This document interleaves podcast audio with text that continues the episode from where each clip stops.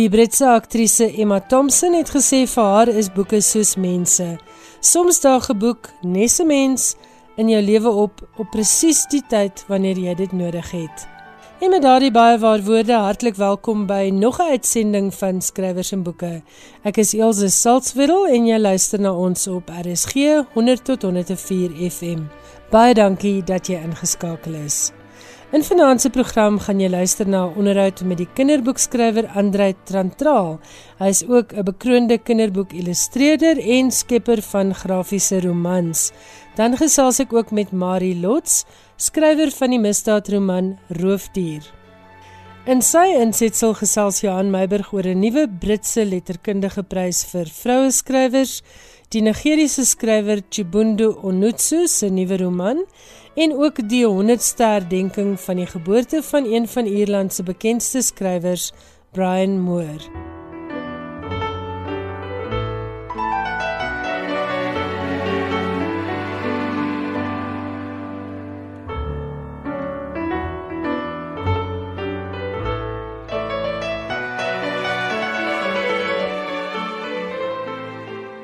Maar eers 'n bietjie plaaslike boeke nuus. Die kortlyste van die Kyknet rapport boekresensent van die jaar vir 2021 is verlede week bekend gemaak. Met hierdie prys word erkenning gegee aan uitnemende Afrikaanse resensies wat in 2020 verskyn het. Die kortlyste is saamgestel uit 'n rekordgetal van 114 inskrywings wat op 'n wye verskeidenheid platforms verskyn het. Drie pryse word toegeken vir Afrikaanse resensies oor Afrikaanse fiksie sowel as nie-fiksie en dan langer tipies meer akademiese resensies. Die drie wenners ontvang elkeen R25000. Vanjaar se keerders was die boekjoernalis en digter Bibi Slippers, die regisseur, skrywer en joernalis Mercy Kannemeyer en Ryan Pedro, digter en draaiboekskrywer.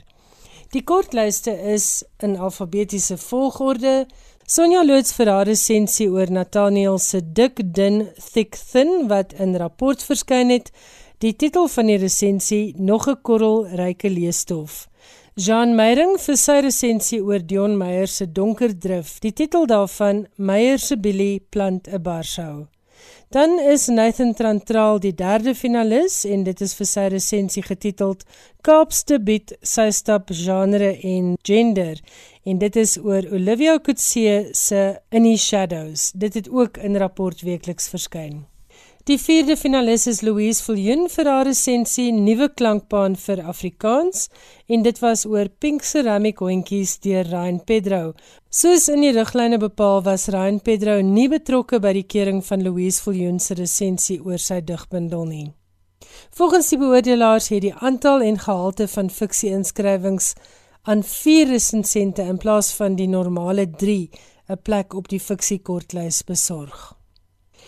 Die nie-fiksie finaliste is as volg: Willie Burger vir sy resensie oor Soek mekaar deur Dana Snyman en dit was 'n vrouekeer resensie.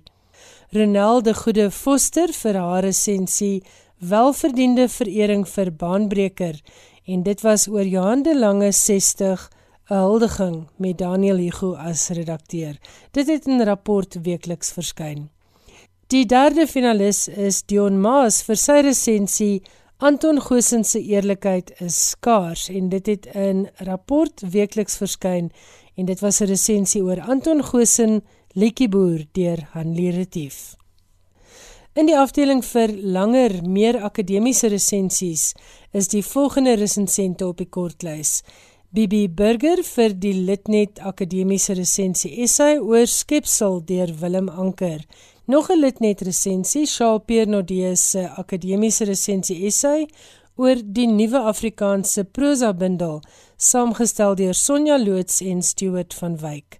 Dan Hans Pinaar met sy resensie Tweets vir Afrika, aktualiteit en potensialiteit in die biblioteek aan die einde van die wêreld en dit gaan oor Etienne van Heerden se boek en het op Litnet verskyn. Die sameroeper van die keerpaneel, Bibi Slippers, sê die leesproses was 'n plesier.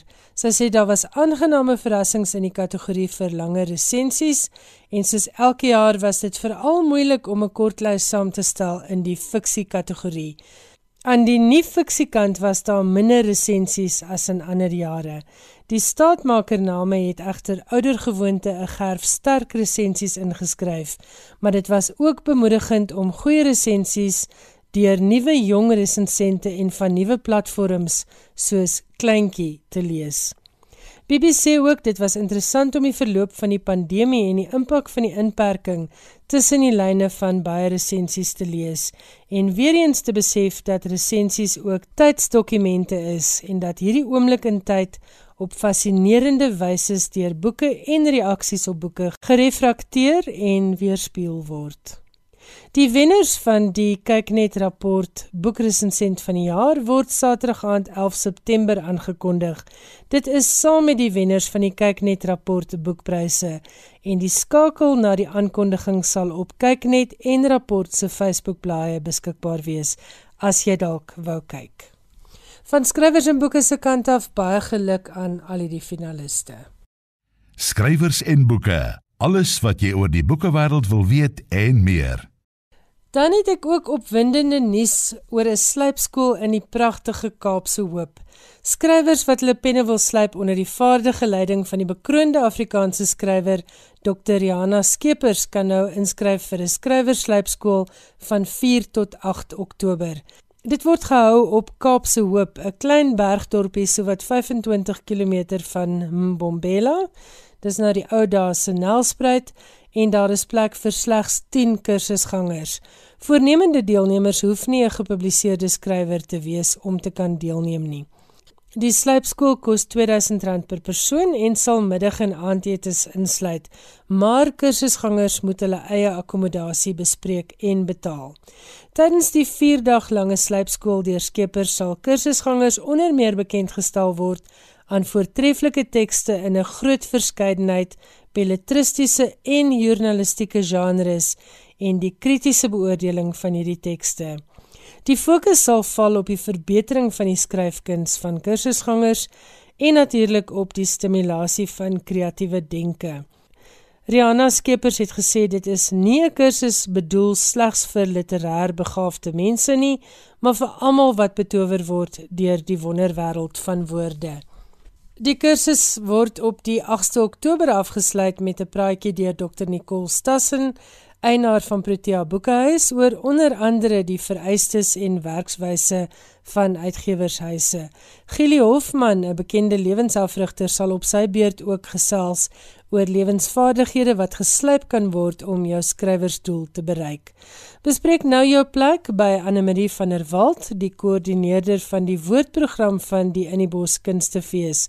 Jy kan vir haar 'n e-pos stuur by Anne Marie by innibos.co.za. Annemarie by inniebos.co.za. Let daarop dat slegs die eerste 10 mense wat die kursus betaal aanvaar gaan word. Jy luister na skrywers en boeke, jou belangrikste bron oor Afrikaanse boeke. Andre Trantraal is 'n skrywer, illustreerder en vertaler. Hy is onder andere die skrywer van die strokiesprentboeke Stormkaap en Coloreds. Sy strokiesprentwerk word geskryf in sowel Kaaps as Engels. Dit het al in verskeie koerante verskyn en is ook in Hamburg, Amsterdam en Kaapstad uitgestal. Sy Engelse vertaling van die Kaapsgedigte van sy broer Nathan Trantral het in 'n uitgawe van die New England Journal verskyn. Hy en sy broer Nathan werk gereeld saam en is pioniers in die bevordering van Kaapse Afrikaans of Kaaps. Ek verwelkom nou graag vir Andrei Trantral.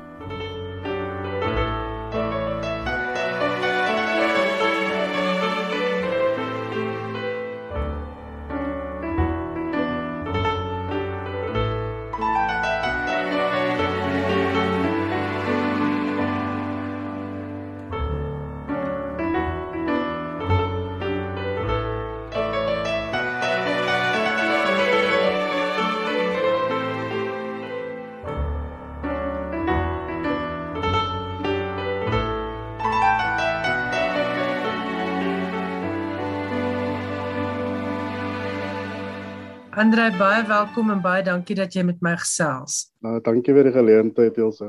Ek het jou strokiesprente geken lank voordat ek gesien het jy het jou hand gewaag aan kinderboeke en een van jou kinderboeke is onlangs bekroon met 'n ATKV kinderboektoekenning en dit is die toekennings waar die kinders self hulle gunsteling boeke kies.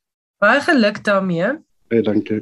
Ek wil graag bietjie meer weet oor waar alles met jou begin het. Woorde, prente, boeke.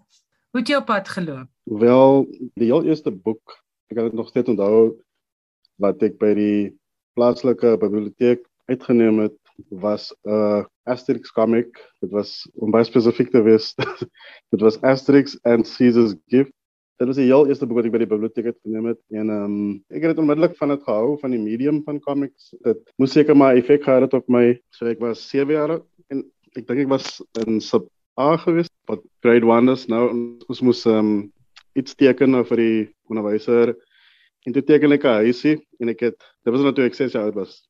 So voor so nou voor dit en um, toe teken ek nou 'n klein uh, huisie en ek het ek het gedink 'n huisie moet mos gordyne hê moet teken ek gordyne en die onderwyser was baie impressed geweest daardie. En sy het vir my gevat uh, rond na die van die ander klasse en vir die ander onderwysers te wys vir die ander kinders te wys. En vir my was dit maar net ek gedink 'n huis moet gordyne hê dit maak sin dat 'n huis gordyne het en um, En ek dink dit was baie motivating geweest vir my. En ek tot van die idee gegee dat ek kan teken en dit het soort van daai idee in my in my kop posgevat. En sê dit dan ek het geteken. Ek was verskriklik lief vir teken. Ek het myself van 'n baie jong ouderdom, dit was altyd 'n standaard vir my geweest wat ek wat ek wou voel ek wou baie graag bereik. Dit is nou om, om net so mooi te kan teken soos die comics wat ek nou gelees het en so aan. My ouma is ook 'n kunstenaar ek het ook gesien wat hy doen en so aan, maar hy het nou, hy was meer soos 'n skilder, maar hy kon nie materials afford en so aan nie. En hy het sommer sy eie materials uh, geskep en so aan, so eie, eie paint gemaak. Op die most tot van ingenious kind of ways wat ek nog nie kan, kan beskryf wat maar ek was net net 'n klein was. So ek sou sê dit is baie belangrik die soort van impak wat uh onderwysers het. Dit was impressionable age natuurlik wanneer mens nog so jonk is en dat hy tipe van confidence wat dit my gegee het om te dink, "O, oh, ek kan nog onteken." So ek weet nie of dit anders sou gewees het as die onderwyser nie so gereageer het op die, op die tekening wat ek gemaak het. Het boeke met ander woorde 'n groot rol in jou kinderlewe gespeel? Ja, maar ons was verskriklik arm. Ons het 'n bietjie blywes groot geword. Daar was geen boeke nie. So. Ek kan jou presies sê, daar was 'n Black Beauty. Dit was een van die boeke in die huis. Daar was 'n Bybel. My ouma was baie gelowig. Daar was 'n kinderbybel en dan was daar so 'n uh, ek weet nie waar daai boek vandaan gekom het. Daar was 'n het die omslag gehad, hè. Wat ek sal beskryf as 'n soort van 'n Enid Blyton tipe boek met 'n klomp en 'n kort verhaal binne in die in die in die boekie. Dit was al die boeke by die huis gewees. En toe ek die biblioteek ontdek en van ons van my Sabie onderwyser het ons gesê ons moet almal by die biblioteek aansit. Ek was verskriklik bang vir gewees. toe toe sluit ek maar noodgedwonge aan. Toe ja, sy was 'n terrifying persoon gewees. En ehm um, toe ek by die biblioteek aangesluit dit was dit was net 'n amazing ding om te ontdek.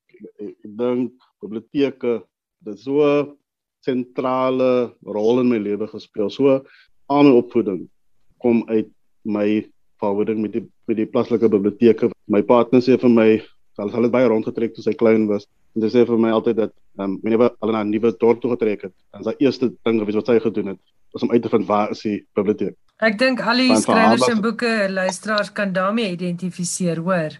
Al die mense, soos ek sê, as mense arm is, as mense ouers of nie, maar jy eniglik boeke vir jou kan kan bekostig om jou te koop en so aan. So, ek sou sê die biblioteek was my uh, redding geweest as ek as as ek nou so dramaties mag stel. Ek stem saam met jou. Ek onthou, daar was in elk geval mos ook nie so baie kinderboeke te koop toe ons klein kindertjies was nie. Bittermin in Afrikaans in elk geval te koop. En ja. daai biblioteekboeke was so skatte wat jy ja. kon huis toe neem vir 'n paar dae en dit het net nuwe wêrelde oopgemaak. Ek dink ja, vandag se ja, ja, lesertjies is so bevoordeel. Ja, nee, definitief. 'n Ding wat vir my baie belangrik is van jou eie reeks boeke wat jy by Lapa uitgee, die Keegan en Samir reeks, is dat die karaktertjies kinders van kleur is. Dit is nie spierwit kindertjies wat spierwit kindertjie avonture beleef nie.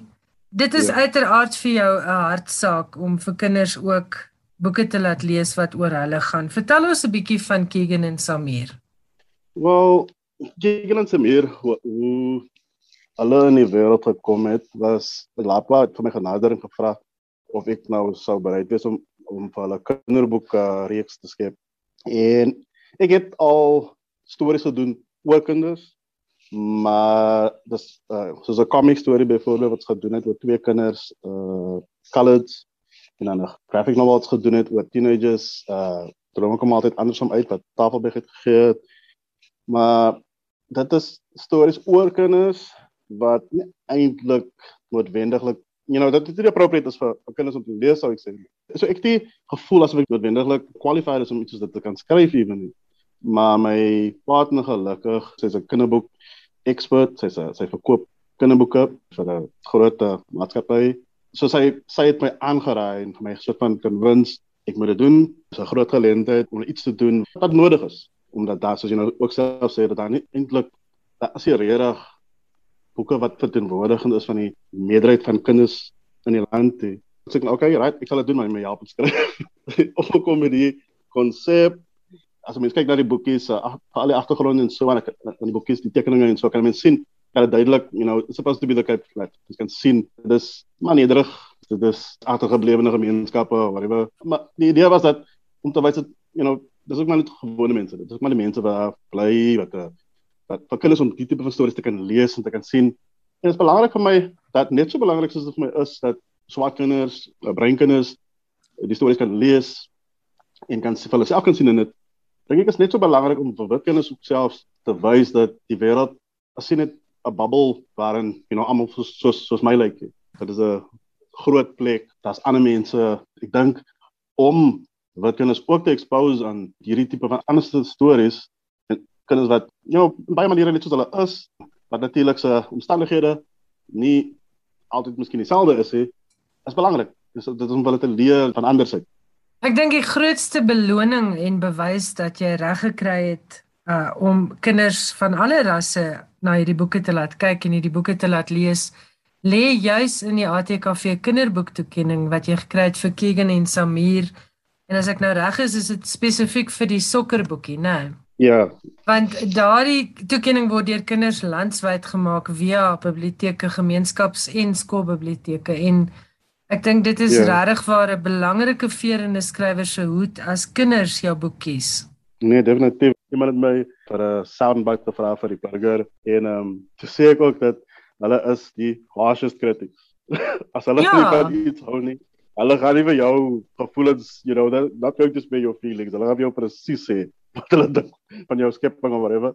En vir my was dit nogal ja, definitief. Vir my was dit baie baie nice um is 'n eer geweest, ja. En natuurlik is hulle die mense vir wie ek dit skryf. Eers first and foremost. Maar 'n groot mens wat 'n kritiek is, het tog my gaan sê, "O, nee, dis is briljantste. Is all good and well, maar you know, dis die mense wat vir wie die storie eintlik geskryf is."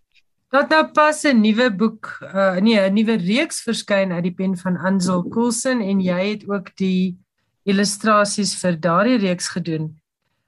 Hoe is dit om saam met 'n skrywer soos Ansel te werk? 'n Skrywer het 'n idee van 'n storie in sy kop, maar jy moet dit visueel interpreteer.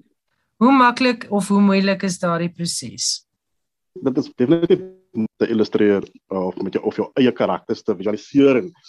Gewoonlik dink ek as met 'n storie in gedagte het en mens kom op met karakters, dan is dit soort van as jou eie idees, dan is dit like you kind of have an idea of wat wat dit is wat 'n mens wil soos ek doen baie keer passeer ek dit maar net op mense wie ek ken. Die karakter moet soos daai sinke like of you remind me van die en, en soms it, it kind of creeps up on you as well. It's baie weird want soos die een karakter byvoorbeeld in Keegan Samir Samir die die ander helfte van die van die ja van die van die duo hy het soort van homself begin dictate op die page vir my en ek is ek dan eerlik te wees ek hou die meeste van sy meer in die storie want hy is hy het net soort van sy eie karakter begin word. Dis iets aan Samir hy is baie op sy plek dink ek. Kyk mm -hmm. hy is soort van baie uh confident kind hy is en Samir het 'n bietjie meer uh, broset aan hom sou ek sê. Ek hou van dit. En uh, die dan dinamiek is gebaseer op, op twee mense maar ek wil eintlik sê weer dis goed goed en dan om aan ja. Hansel se karaktertjies soort van 'n gesig te gee is dan heelwat moeiliker.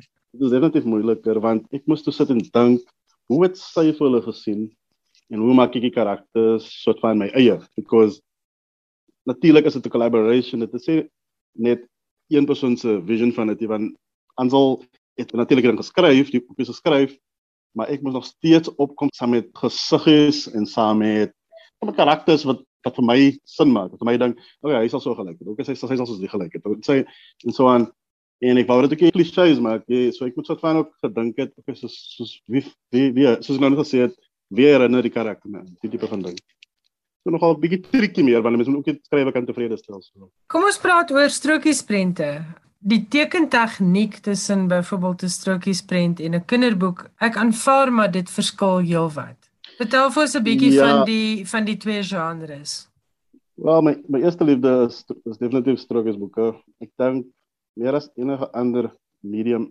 Die een skrywer, um, Marjan Satrapi, sy Persepolis gedoen. Dit is 'n baie famous French um graphic novel. En yeah. sy het eendag gesê dat making comics is monk's work. Dit dink ek, ja, yeah, absolutely. dit verg so baie patience. So 'n roman is dit so van 'n 'n marathon, nie 'n sprint nie. So vir my om 'n comic te teken is altyd 'n commitment. Dit is verskriklik baie werk. As moet 'n comic op jou eie maak, dis basically soos om in 'n rock band of 'n ek weet nie hoe sê rock band nie, maar sê maar nou in 'n band op jou eie te wees. Jy jy jy sing, you play all of different instruments. Jy skryf die songs. Die analogy is is heeltemal korrek want as jy 'n comic maak dan jy conceptualiseer dit, dan skryf jy dit, dan teken dit met potlode, dan jy die inkwerk, dan jy die kleur dan jy die woorde. En dis 'n hele proses met alles. Alles is distinct disciplines. Dis almal different jobs. So jy moet al daai jobs doen op jou eie wanneer jy 'n comic maak. En um, ek sou sê die grootste verskil tussen 'n comic en 'n kinderboek te illustreer, maar net die, die medium itself is is is, is verskillend. En ek weet ek sal miskien kritiek van kinderboek illustreerders kry, maar op sommige maniere is dit minder veel eis. As ek okay, laat ek maar net op 'n eenvoudige manier stel. Ek kan in 4 bladsye in 'n comic kan ek 'n hele kinderboek illustreer. So as 'n comic 20 bladsye is, dan het ek 5 kinderboeke geïllustreer. Is die kinderboek prentjie eenvoudiger? Ek aanvaar so want ek dink nie 'n kinderboek prentjie moet veral vir die ouderdom waarop hierdie boekies is, kan te vol detail wees. Ja. En dit moet sekerlik helder kleurig ja, wees. Nee, nee definitief. So So en dit en dit is 'n bietjie van 'n probleem dalk gewees aanvanklik met met, met Lapa toe ek voltooide illustrasies vir die heel eerste boekie wil gestuur het my soort van inspirasie vir kinderboeke byvoorbeeld kom vanaf mense soos Raymond Briggs, Maurice Sendak, you know, dis baie old school kind of like illustrators. Hulle is ook illustrators wat al inspirasie en um approach as ook baie beïnvloed deur comics en so aan en in my opinie is byvoorbeeld 'n boek soos In a Night Kitchen is vir my 'n comic book. Dit is 'n kinderboek maar dit is ook 'n comic. En die kleurpalet wat Maurice Sendak gebruik is baie baie subdued wat en ek dink die mense sal dit maklik vandag kry in die hoofstroom van die kinderboeke nie. Ons ken hulle natuurlik en so nie. Aanvanklik het dit baie baie tipe palet wat soort van 'n ryk maar subdued. Ja, die kleure is is nie die helderste kleure. die popponste kleure nie of whatever nie. En ehm um, ek dink ek het 'n bietjie van 'n issue met dit want toe te verander dit so die colorful look wat die boekies het en wat ek agterna oor gedink het. Probably reg is dit dit staan baie meer uit, dit pop baie meer, maar dit was definitief nie aanvanklik hoe ek die kleur gedoen het nie. Het jy opleiding gehad in grafiese werk of het jy jouself geleer? Nee, ek het hom self opgelei.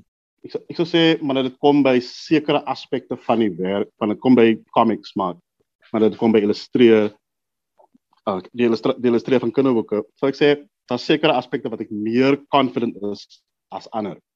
Um byvoorbeeld wanneer dit kom by by kleur, wanneer dit kom by potlood sketse, daar het ek baie confident nog. Maar wanneer dit kom byvoorbeeld by grafiese ontwerp, die graphic design part van dit, dan sou ek sê daar's baie in die way van van van compromise wat ek bereid is om te doen, maar ek voel ek beskik noodwendig oor die you know opleiding.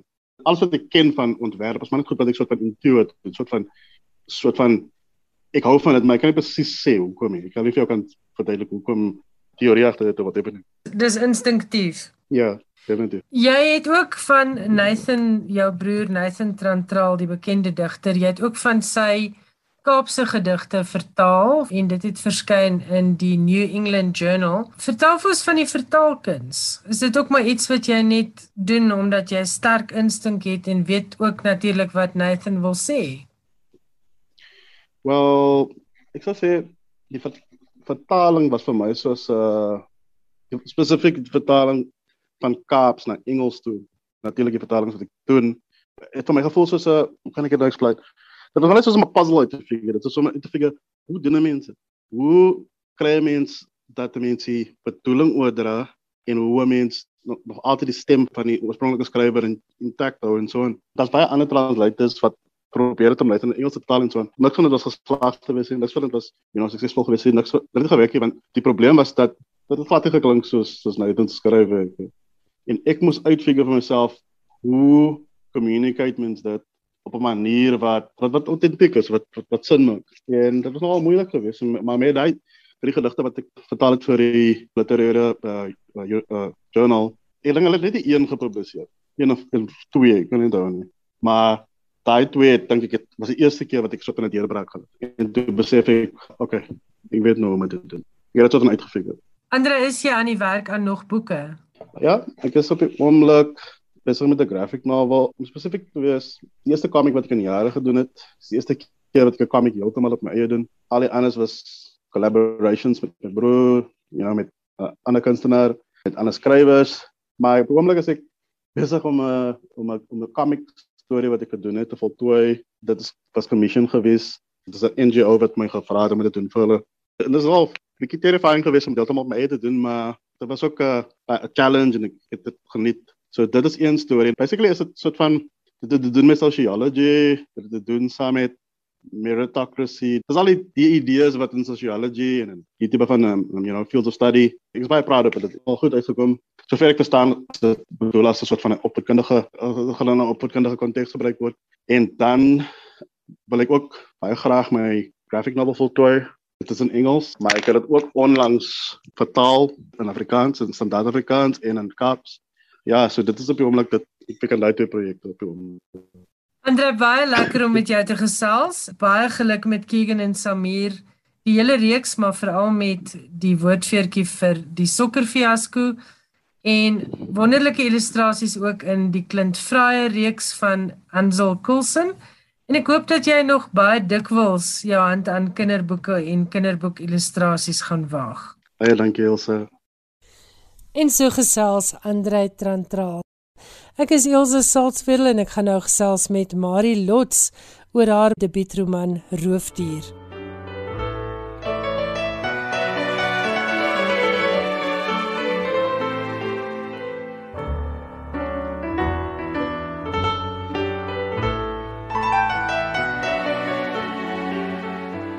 Vertel vir my so 'n bietjie van jou pad as skrywer. Jy het vroeër gesê jy werk met woorde, jy's 'n redigeerder. So vertel vir ons 'n bietjie meer daarvan en dan ook hoe dit gebeur het dat jy besluit het om 'n roman aan te pak. Ja, jy weet ek was maar my hele lewe lank in die redigeer beroep. Uh, by beeld het ek begin werk as 'n uh, na universiteit. Ehm um, en toe daarna was vir 'n tydperk in die finansiële bedryf by 'n paar pensioenfonde as taalpraktisyn en toe het ek uiteindelik opgeëindig by 'n uitgewer wat genoem word Jacqueline Uitgewers um, in Midrand. En ek het toe vir 9 jaar by hulle gewerk as 'n redigeerder, ook as 'n redakteur. En so het ek maar deeltyd met taal gewerk en kreatief met taal omgegaan, jy weet, en in my loopbaan maar nooit werklik so groot behoefte gehad om 'n boek te skryf nie. Ek het maar altyd die idee my agterkop gehad van eendag sal ek wil 'n boek skryf, maar jy weet omdat 'n mens heeldag met taal werk, het daai behoefte nie so groot gewees nie. Ek het baie artikels geskryf. Jy weet ek het byvoorbeeld die Britannica Junior Encyclopedia saam met David van Lille gedoen en redakteur gewees daarvan. Jy weet in verskeie ander goed, meestal ook nie fiksie. Ek moet ook dit by sê. En toe ek hierdie pos aanvaar het so 4 jaar gelede, het ek besef jy weet dis 'n suiwer feitelike nagaan van taal en feite en toe ek half soos 'n behoefte op begin voel na daai hierdie daai kreatiewe skepping van iets en toe het ek gesit en ek het toe nou maar jy weet die storie geskryf wat ek lank in my kop gehad het. Wat was die vonk vir hierdie storie? Uh net om vir luisteraars op te som, gierigheid en moord speel groot rolle in hierdie verhaal. Ja, dis 'n ja. baie anderster plot. Dit is een van die verrassendste ja, ja. uh temas wat ek in 'n lang tyd in 'n misdaadroman teëgekom het, maar wat was die prikkel hiervoor? Ja. Ag weet jy, eens ek dink verskeie goed. Dit was nie vir my net een iets nie. Dit's maar verskeie eksterne invloede wat 'n mens in jou lewe beleef, in jou daaglikse bestaan, jy weet sosiale media, nuusgebeure, 'n film hier en daar wat jy gesien het in jou lewe en dan uiteindelik kom dit maar alles saam in jou kop en jy jy vorm hierdie storie in jou kop en dan begin jy dit skryf en dan uiteindelik eindig die storie ook op heel anders as wat jy aanvanklik beplan het om dit te skryf. Ek moet dit ook sê. Die storie in sy oorspronklike vorm was heelwat eenvoudiger as wat hy nou is. Die die storielyn is uiteindelik vir my redelik kompleks. Jy weet in die die, die uitgewer het dit ook vir my gesê. Dit is nie regtig een spesifieke ding gewees nie. Ehm um, jy weet ook by agtergrond, selfs my agtergrond het 'n rol gespeel. Jy weet my pa was maar sy lewe lank in in wetstoepassing. Hy was 'n speler sy lewe lank so, jy weet ons as kinders in die huis het maar altyd die stories so gehoor in die agtergrond en jy weet dit dit werk tog in in jou onderbewussyn jy weet um, ons is nooit eintlik toegelaat om in, om in geselskap te sit nie maar jy dink tog aan dit want jy weet hy gereeld vir mense die stories vertel. Jy weet hy's 'n baie goeie verteller van stories byvoorbeeld en mense hom aan sy lippe as hy die stories vertel. En ja jy weet ek dink dit kom af deels van dit af ook. Toe ek uiteindelik gaan sit en klomp goed wat ek bymekaar gebring het jy toe uiteindelik 'n hoofdier gevorm. Het jou pa as tipe van adviseur vir jou opgetree oor hoe die uh, polisie in sekere sake te ja, werk sou ja. gaan? Ja, verseker. Jy weet, uh, kyk, uh, hy sê nou sy 80's al dinge het aansienlik verander. Jy weet van van van wat hy afgetree het uh, tot nou. Maar die basiese goed is nog dieselfde, maar ek kan hom altyd bel en hom vra hoe die pa hoe werk dit en so en hy het my baie raad gegee oor oor wapens en sulke goed. So ja, jy weet ek het eintlik gedink dat toe hy die boek lees, was ek eintlik ek was eintlik bekommerd dat my pa die boek lees. Jy weet maar hy was toe nou jong gelukkig. Hy het nie dit regtig gekritiseer nie en hy het gesê nee, hy dink dit is goed.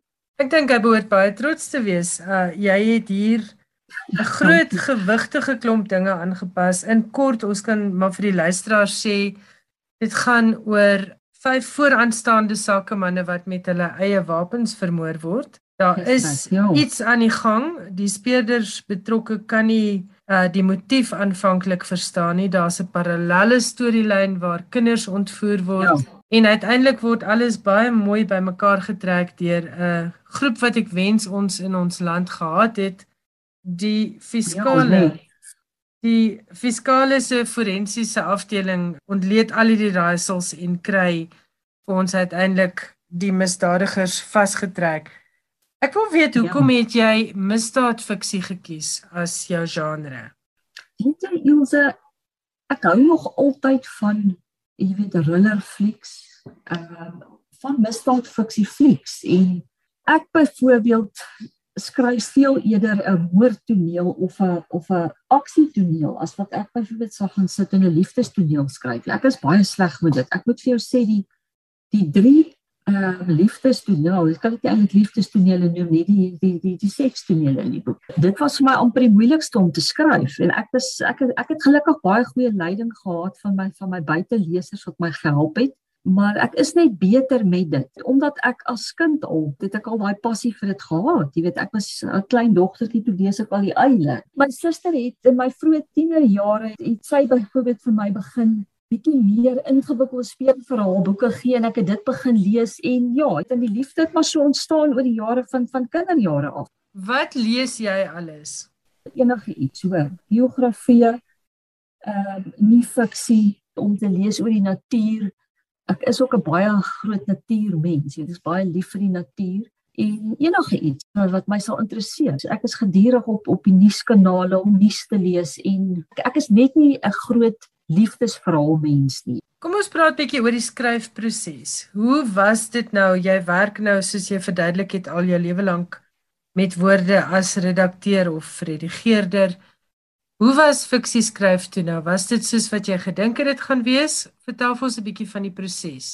Ek sê sê ek het nogal gesig hoor om om van nie fiksie te gaan na fiksie toe. Veral met misdaadfiksie, want met misdaadfiksie kan jy ook nie enigiets skryf nie. Jy moet dit daarom nog realisties hou en jy moet dit daarom nog hou dat dit dat dit iets is wat wat wel kan gebeur. Ek moet myself heeltyd attent maak daarop dat ek moenie op 'n punt kom waar dit amper surrealisties raak nie. Maar ek is een van daai skrywers ook wat ek kan nie sê dit gaan altyd so wees nie, maar ek probeer, sal probeer om altyd iets te skryf wat die leser laat nadink en wat die leser laat dink kan hierdie gebeur of kan dit nie. En 50% gaan vir jou sê ja en die ander 50% gaan dalk vir jou sê nee. Uh, ek dink om my boeke gaan dalk so wees. Ek sal altyd voel ek wil 'n bietjie dit daai stappie verder neem en ek dink dit is dalk wat wat roofdier dalk 'n bietjie anders sal maak as ander misdaadfiksie. So dit was vir my 'n aanpassing. Ek het myself hele tyd kondisioneer om te besef jy kan ook nie 'n misdaadfiksie enigiets skryf nie. Die proses van met ander mense werk wat vir jou raad gee en kritiek gee op jou werk, hoe het jy dit ervaar? Want jy's gewoonlik aan die ander kant van hierdie stelsel. Jo, dit dit was in die begin vir my baie moeilik, hoor Ilse. Ek moet vir jou sê, Ehm uh, ek het 'n baie goeie redakteur wat saam met my werk en sy het gelukkig geweet waarna sy die leiersels moet intrek en dan luister 'n mens want jy besef hulle weet of hulle praat. Hulle werk baie met dit. Dit was in die begin vir my baie moeilik, maar dit het makliker geword met tyd. En ek dink nou met die tweede boek sal dit vir my 100 keer makliker wees en ek sal dit op 'n ander manier hanteer. Jy weet elke keer wat hulle vir my 'n klomp keer verslae deurgestuur het, het as ek dadelik tens en en ek het gedink, "Ja, hoe inkorporeer mens al hierdie goed?" En dit soos die proses aangegaan het, het 'n mens maar geleer daaruit en gegroei en dit was 'n baie styl leerkurwe, maar dit was nodig. Dit was moeilik, jy weet ek ek moet vir eerlikwaar sê, ek gaan nie vir sê dit was maklik nie en dit is nog steeds nie maklik nie. Ek dink nie enige skrywer vat enige kritiek maklik nie.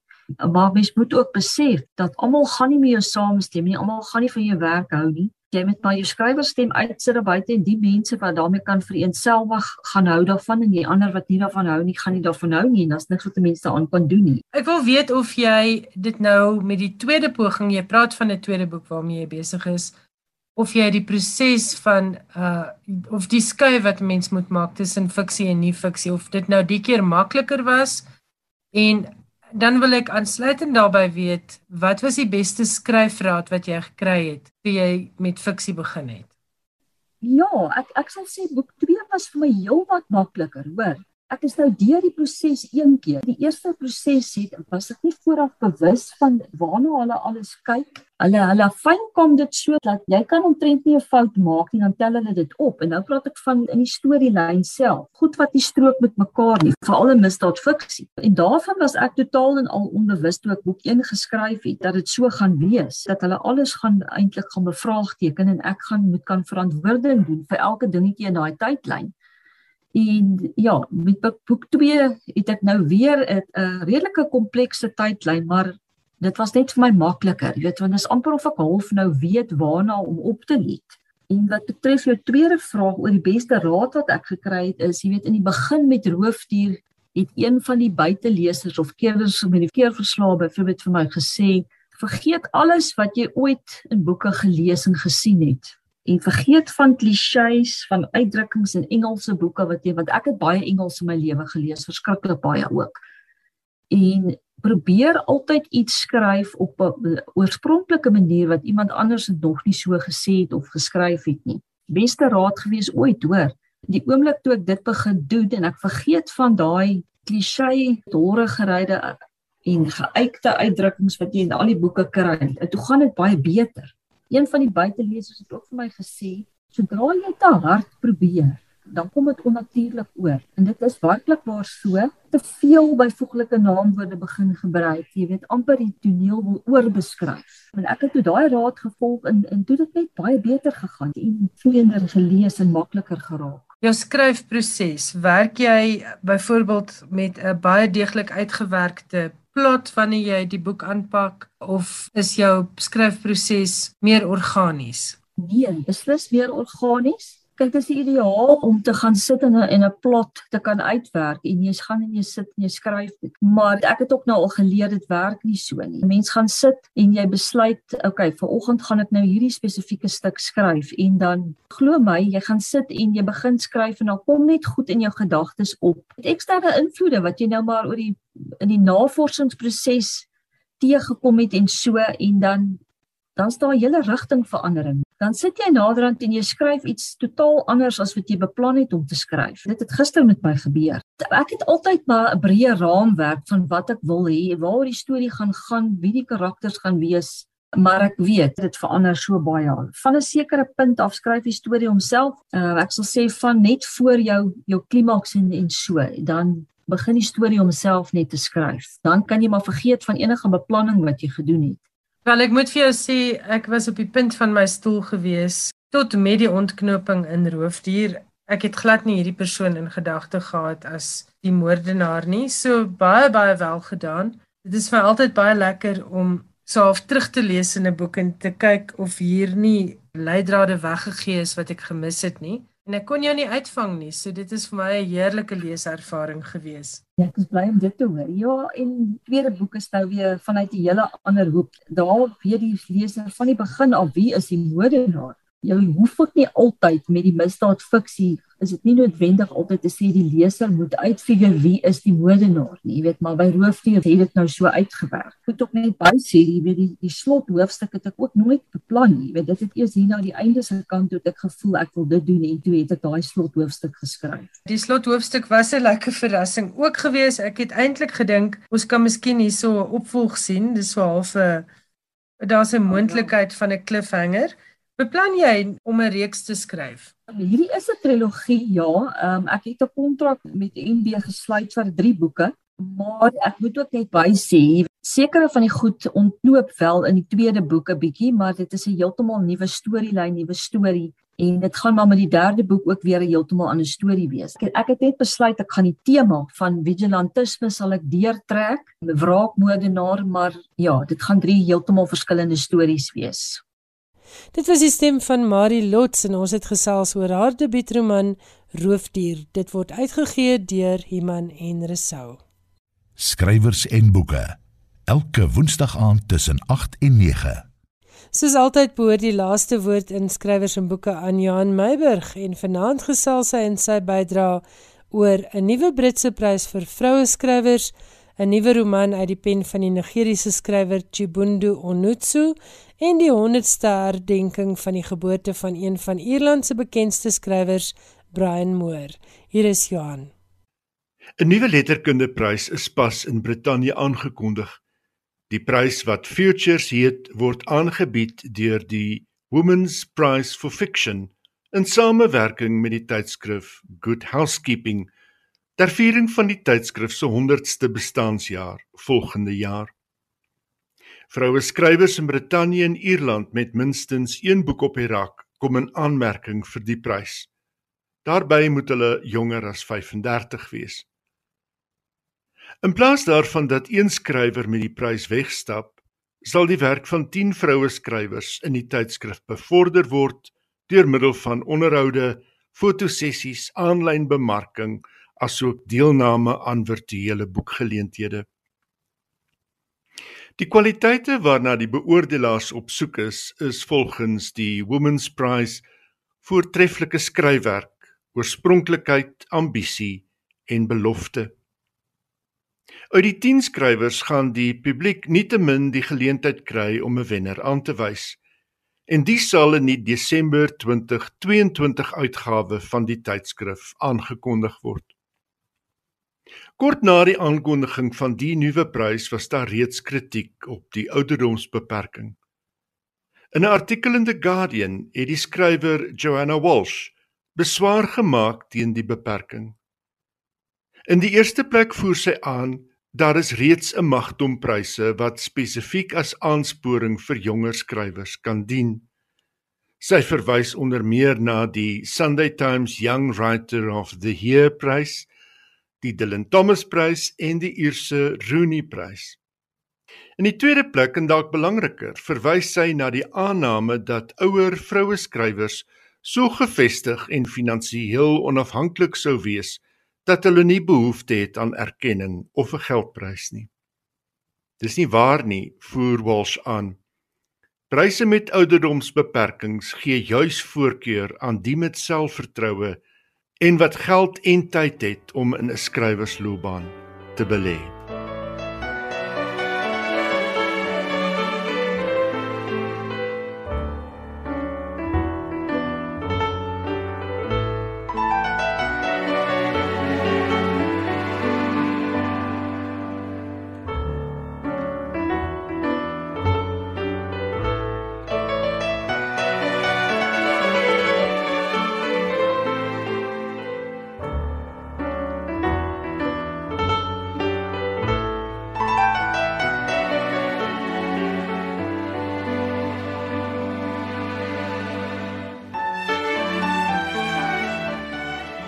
Van die Nigeriese skrywer Chibundu Onoso het pas 'n nuwe boek verskyn, Sankofa, die verhaal van 'n vrou wat in Afrika gaan soek na die pa wat sy nooit geken het nie.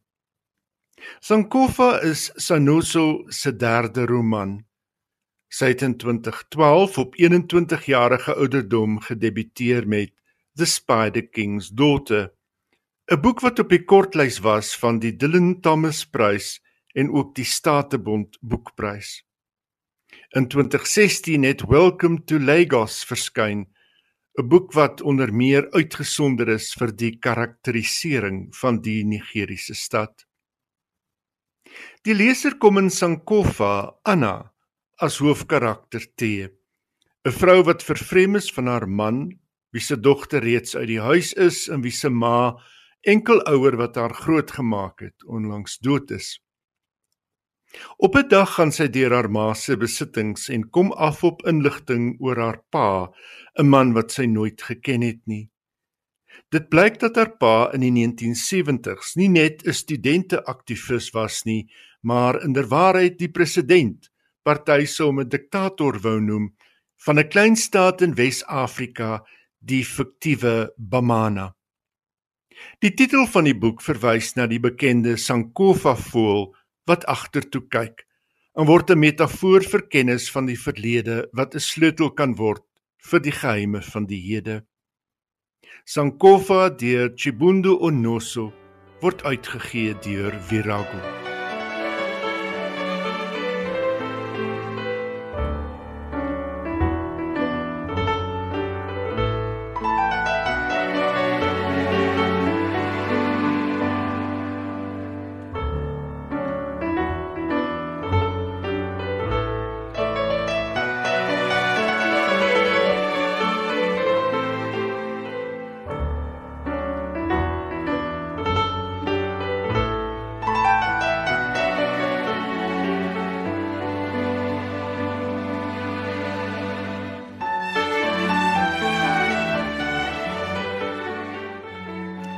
Belfast in Noord-Ierland het pas die 100ste herdenking gevier van die geboorte van een van Ierland se bekendste skrywers, Brian Moore.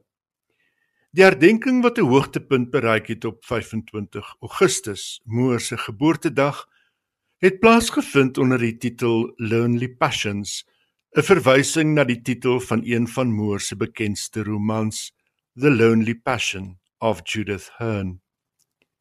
Die boek het in 1955 verskyn toe Moore reeds in Kanada gewoon het. En hoewel Moore voor die datum reeds thrillers gepubliseer het, het hy Judith Hearne as sy eerste roman beskou. Hy het hom in 1948 in Kanada gevestig en later in die FSA. Soveel as 10 Amerikaanse uitgewers het die manuskrip afgekeur voordat Moore 'n Britse uitgewer gekry het wat bereid was om die boek uit te gee. Later is die boek ook vervilm met Maggie Smith in die titelrol.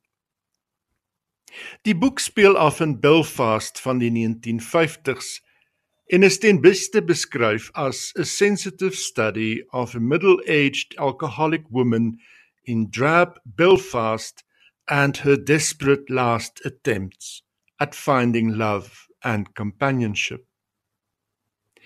Dit is veral lewe in Belfast kort na die Tweede Wêreldoorlog en Moore se verkenning van Noord-Ierland se verdeeldheid, bekend as The Troubles, wat in sy skryfwerk aan die orde kom. Hy is by 3 geleenthede benoem vir die Booker-prys: in 1976 vir The Doctor's Wife, in 1987 vir The Colour of Blood en weer in 1990 vir Lies of Silence. Hoewel Moore volgehou het dat hy nie die probleme in Noord-Ierland trompop wil takel in sy skryfwerk nie, juis omdat hy nie meer in die land gewoon het nie, het besoeke aan Belfast in die middel 1980s hom wel oortuig dat hy tog oor verdeeldheid en terrorisme kan skryf. Lies of Silence was aanduiding van die oortuiging. Moore se laaste boek, The Magician's Wife, het in 1997 verskyn, 2 jaar voor sy dood op 77 in Malibu in Kalifornië.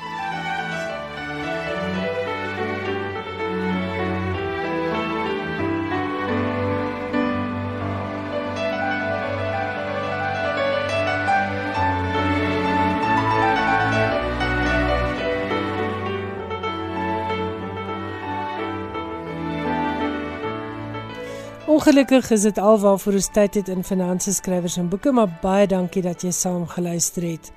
Onthou ook dat skrywers en boeke beskikbaar is as 'n potgooi. Volgende Woensdag aand om 8uur is ek en Johan Meiburg weer terug met nog boeke nuus en ook onderhoude met interessante skrywers.